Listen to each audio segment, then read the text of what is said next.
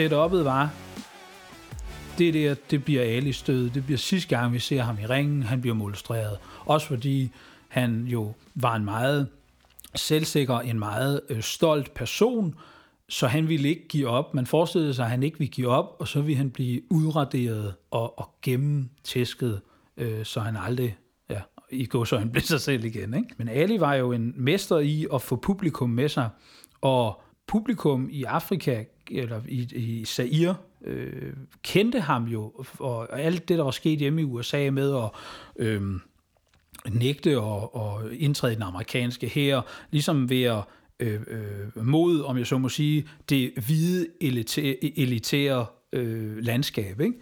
Øh, og derfor var han enormt populær, da han kom til Zaire. Øh, og man kendte jo ikke George Foreman. Mange troede, at det var en hvid, han skulle bokse imod. Kom Foreman, som jo også var sort ligesom Ali. Øh, men, men det var en anden. Altså hans øh, formand provokerede lige med det samme ved at have en cheferhund med. Og det var det, som de hvide i Zaire havde, da det var belgisk Kongo. Så stemningen mod formanden var allerede rigtig dårlig, da han, da han ankom. Og det var her, de, for, de kendte slagord for Ali øh, simpelthen kom fra befolkningen. Ali Bumaye. Og det betyder, Ali dræb ham. Og den rungen, den strømmede ind mod øh, ringen, hvor de skulle bokse den 30. oktober 1974. 100.000 mennesker på det her stadion, hvor der øvrigt var fangekælder ned under, hvor Mobutu slog, man regner med 100 mennesker ihjel, for der skulle være ro, mens kampen foregik. Rungede altså det her Ali Bumaye fra alle publikummerne. Ikke? Ringen var ikke i en ret god stand og en ret god forfatning. Normalt, når man ser en boksering, så tågene rundt, øh, de er sådan rimelig stramme. Men man måtte jo arbejde med det, man havde i Zaire. Så da Alice træner kom ud og så på, på ringen, så var øh, tårne, de hang ligesom girlander. Øh, så sagde han, det, det kan vi ikke arbejde med. Det er vi nødt til at lave om på. Og det kunne man så ikke rigtig lave om på. Man kunne stramme dem så meget, som det kunne lade sig gøre, men de var stadig rigtig bløde i forhold til, hvad tårer normalt er i en boksering. Og det gik han ind til Ali og sagde, jamen, det kan ikke være bedre, de er bløde. Nå. Og så startede kampen første omgang. Og man kan i boksesammenhæng kan man tale om jabbet, og man, øh, typisk så jabber man med venstre, hvis man er venstrefodsbokser eller står med venstre fod forrest, så har man jabbet som sit, sit venstre slag, og så skal man krydse over med højren, mens man vel og mærke stadig holder venstren lidt højt, så man ikke øh, bliver klippet på kæben. Ikke? Um, Ali var så hurtig, at han kunne slå øh, sin højre hånd lige så hurtigt som et jab. Øh, det er meget farligt at gøre, fordi så har du din venstre meget langt nede og er meget åben for at blive klippet på kæben.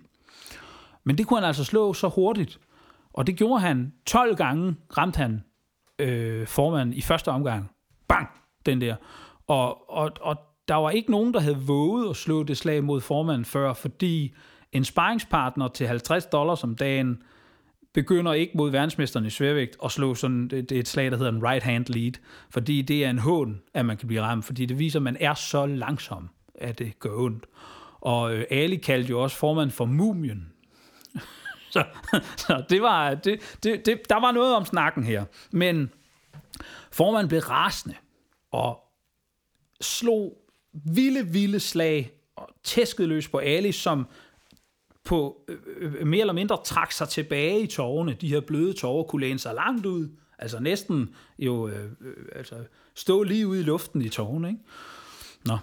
Og efter første omgang, som havde været rigtig vild, kom Helle tilbage i ringhjørnet og havde et, et, et underligt vildt blik, som jo på mange måder sagde, nu er jeg oppe imod en, som er noget yngre end mig, som slår hårdere. Jeg har lige givet ham alt mit bedste, og han kom bare stærkt tilbage. Nu er det nu. Det er nu, det gælder. Og så kunne du se, kan man se på videoen, han står og nikker til sig selv.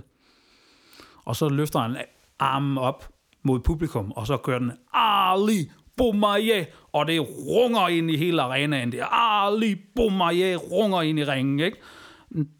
kunne simpelthen piske sig selv op ved hjælp af publikums øh, energi.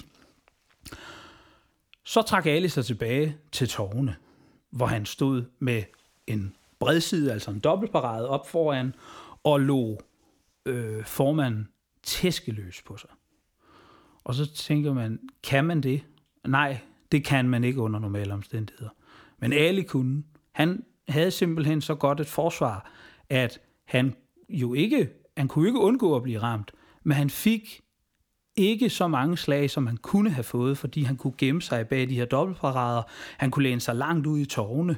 Han kunne clinche, og så kunne han samtidig sige til George, formand, kom nu lidt, George, jeg troede, du slår hårdere. Kom nu lidt. Ej, hele verden kigger med. Du kan ikke være bekendt at slå så blødt, ikke? Uh, you're swinging like a sissy. Uh, og, og det fortsat, og i, i, efter femte, så får man ikke mere energi. Han var fuldstændig færdig. Han var vant til at slå folk ud på 2-3-4 omgange, og nu havde han tæsket løs på Ali. Og som han sagde selv, øh, formanden senere sagde, i femte omgang talte han stadig til mig, så tænkte jeg, hvad er det her, jeg roder mig ud i? Hvad er det her for noget? Og i 8. omgang, da 8. omgang skal til at begynde, er det faktisk. Øhm, mellem hver omgang, der går der jo altid en person rundt, det er typisk en ung, smuk kvinde, rundt med et, øh, et kort, hvor man kan se, hvilken omgang det drejer, hvad man er nået til. Ikke? Men her i Afrika var det jo selvfølgelig en, en øh, afrikansk kvinde, øh, som holdt sådan et lille øh, silkeklæde med et tal på. Og da vi nåede til, da vi nåede til 8. omgang, der havde hun vendt silkeklædet forkert. Så det lignede et uendelighedstegn. Og det, jeg altid synes var så smuk en, en detalje, og det er jo ikke noget planlagt, og man kan ikke vide det, men det er en underlig, spændende detalje. Hun havde vendt silkeklædet forkert. Den uendelige omgang. Omgangen, der altid vil stå som Alis superomgang over dem alle. Den kom i 8. omgang. For der nok outede han George Foreman og blev verdensmester igen.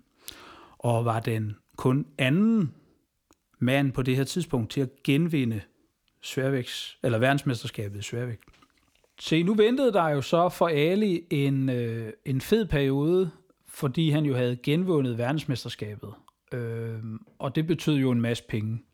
Og endnu mere popularitet. Øh, og den første kamp, han havde efter formandkampen, det var mod en bokser, der hed Chuck Webner. Og Chuck Webner var valgt, fordi han ikke var ret god, men det var en god payday for Ali. Øh, og så kunne han jo også lige få vist, at han var verdensmester igen og så videre. Men det gik hverken værre eller bedre end at Webner, som var meget kajtet og ikke ret smuk at se på i sin boksestil. På et tidspunkt trådte Ali over foden i kampen, mens han slog slag. Og det betød, at Ali gik i gulvet. Og det var der jo ingen, der havde regnet med her øh, af publikum eller noget som helst. Ali vandt senere kampen på knockout, men han var i gulvet der. Og det er egentlig ikke, fordi det er en særlig spændende kamp, men der er en meget interessant ting ved kampen.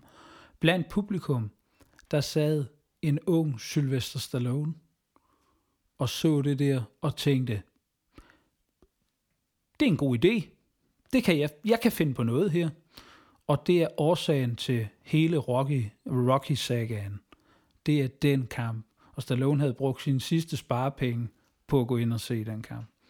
Der ventede jo en tredje og altafgørende kamp mellem Ali og Frazier, og den skulle... Øh, Don King øh, gentog succesen med at få et øh, lidt... Øh, øh, jeg tillader mig at sige, et lidt lusket sted til at betale for begivenhederne, for den her gang skulle det foregå i Manila, hvor det jo var præsident Marcos, der bestemte alt. Og øh, Ali fandt jo på, at kampen skulle hedde Thriller in Manila. Og hvad rimer mere på Thriller og Manila? Det gør Gorilla. Så Fraser var blevet gorillaen, og Ali havde taget sådan en lille gorilla øh, dukke med, som han gik og slog på, og sagde, come on gorilla, we in Manila, og så tæskede han løs på den her, ikke? op ved pressemeddelelsen, og Fraser var jo rødglødende af raseri, ikke? Uh, han sagde Ali, it will, be, it will be a thriller and a chiller and a killer when I get the gorilla in Manila. Uh, og sådan var kampen jo hele tiden pisket en stemning op, ikke? Øh, uh, Fraser var særdeles velforberedt til den her kamp, fordi han vidste godt, nu er det min sidste chance. Han havde jo tabt til Foreman, han havde tabt til Ali i revanchekampen, og alligevel stod han med en VM-kamp. Øh, så, så han vidste godt, det er nu. Omvendt havde Ali jo slået Frazier, nu siger jeg relativt nemt, i anden kamp. Det skal man passe på med at sige, men, men det, det var gået udmærket. Øh, og nu havde han genvundet titlen, han en meget succes, havde hele, hele succesen fra formandkampen, øh, bar han ligesom videre i de her bølger.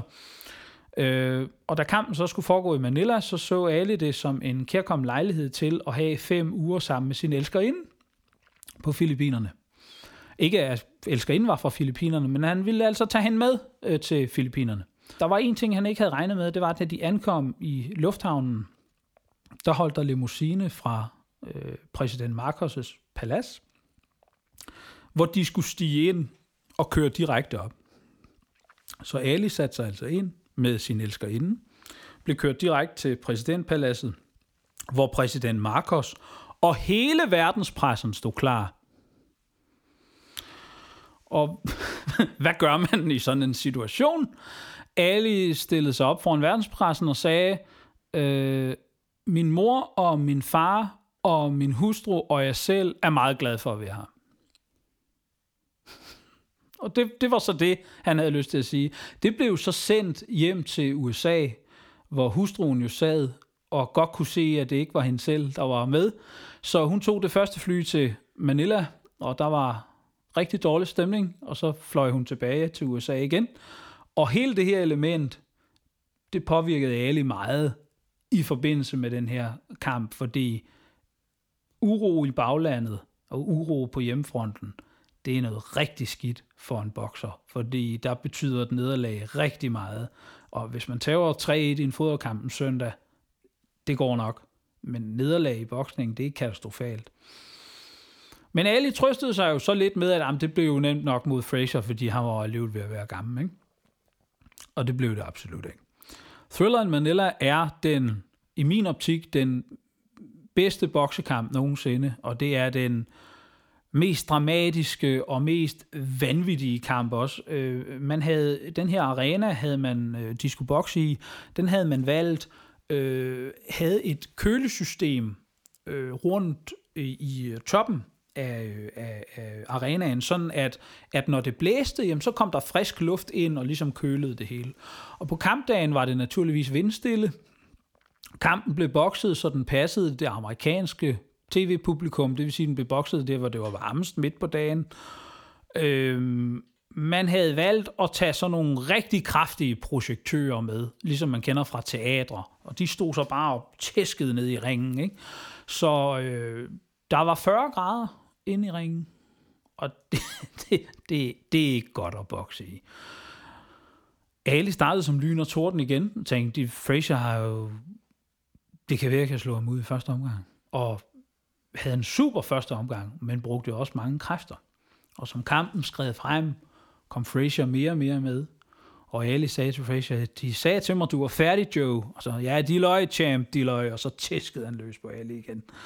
Øhm, efter 10. omgang, der sagde Ali noget, som han aldrig havde sagt, og aldrig kom til at sige på andre tidspunkter i sin karriere. Han sagde til træneren, det her er det tætteste, jeg har været på at dø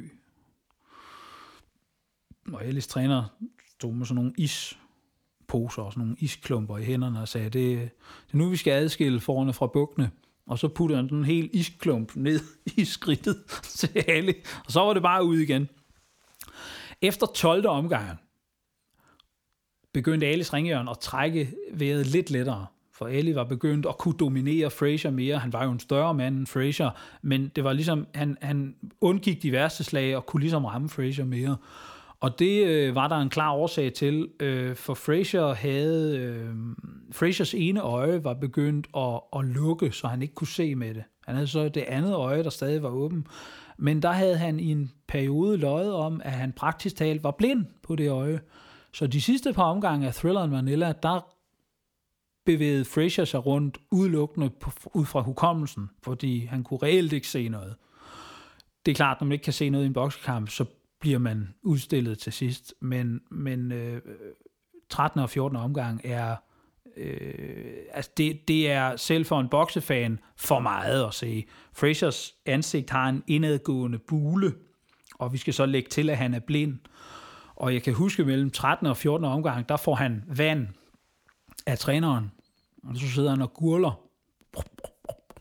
Og så lige lidt efter, så kommer der en spand, og så spytter han ud. Og det, han spytter ud, det er rent blod. Og træneren siger så, Freshers Frasers træner sagde så, ja, lad os lige se 14. Lad os lige se, hvordan det går. Og 14. var en forfærdelig omgang for Fresher. Ali tæskede løs på ham og ramte ham med flere rene træffere, end han nogensinde havde gjort. Men han kunne ikke slå ham ned. Han kunne ikke gøre det af med ham. Delvis fordi han jo selv var fuldstændig udmattet. Og flere gange, hvor han øh, Øh, i løbet af omgangen faktisk har Fraser, så, så glider han eller falder af udmattelse og sådan noget. Altså det er vanvittigt at se. Men efter 14. hvor der jo så egentlig kun er en omgang tilbage, så, øh, så stopper øh, Frasers træner Eddie Fudge stopper kampen. Det er den, den største kamp øh, for mig i, i bokshistorien. Det har øh, hele laget med build-uppet til dramaet, ærkefjenderne, der mødes og skal afgjort det endelige score og alt det der. Det er fantastisk. Men det er samtidig også svanesangen. Fordi i boksning er der noget meget mærkeligt, og det er, at når du har de der rigtig hårde kampe, som for eksempel thrilleren Manila, der kan du fra kamp til kamp miste mange af dine evner. Og det skete med, med Ali her. Han mistede jo simpelthen over natten måske 25 procent af sine evner. Og det er så noget, boksning kan, og det er noget uforklarligt. Det kan ske fra en kamp til en anden, at evnerne bare er skyllet ud i toilettet. Timing, hurtighed, reflekser, det man i, på amerikansk kalder ring generalship, altså at kunne komme rundt i ringen på den måde, du nu øh, ved, hvordan du kan styre tingene. Du mister det hele. Typisk er en boksekarriere jo et, et langsomt forfald. Men når du så har sådan nogle kampe, så går det lynhurtigt. Joe Lewis fortalte en, en sjov historie om den gamle servicemandsmester. Han sagde, at sidst i min karriere, jeg kunne jo se de samme åbninger hos mine modstandere, som jeg altid har kunne se. Jeg kunne se dem, men jeg kunne ikke tænke som i gamle dage. Jeg kunne ikke få min krop til at reagere og sige, det er nu, du skal slå til. Det kan, kunne jeg ikke. Det forsvinder simpelthen.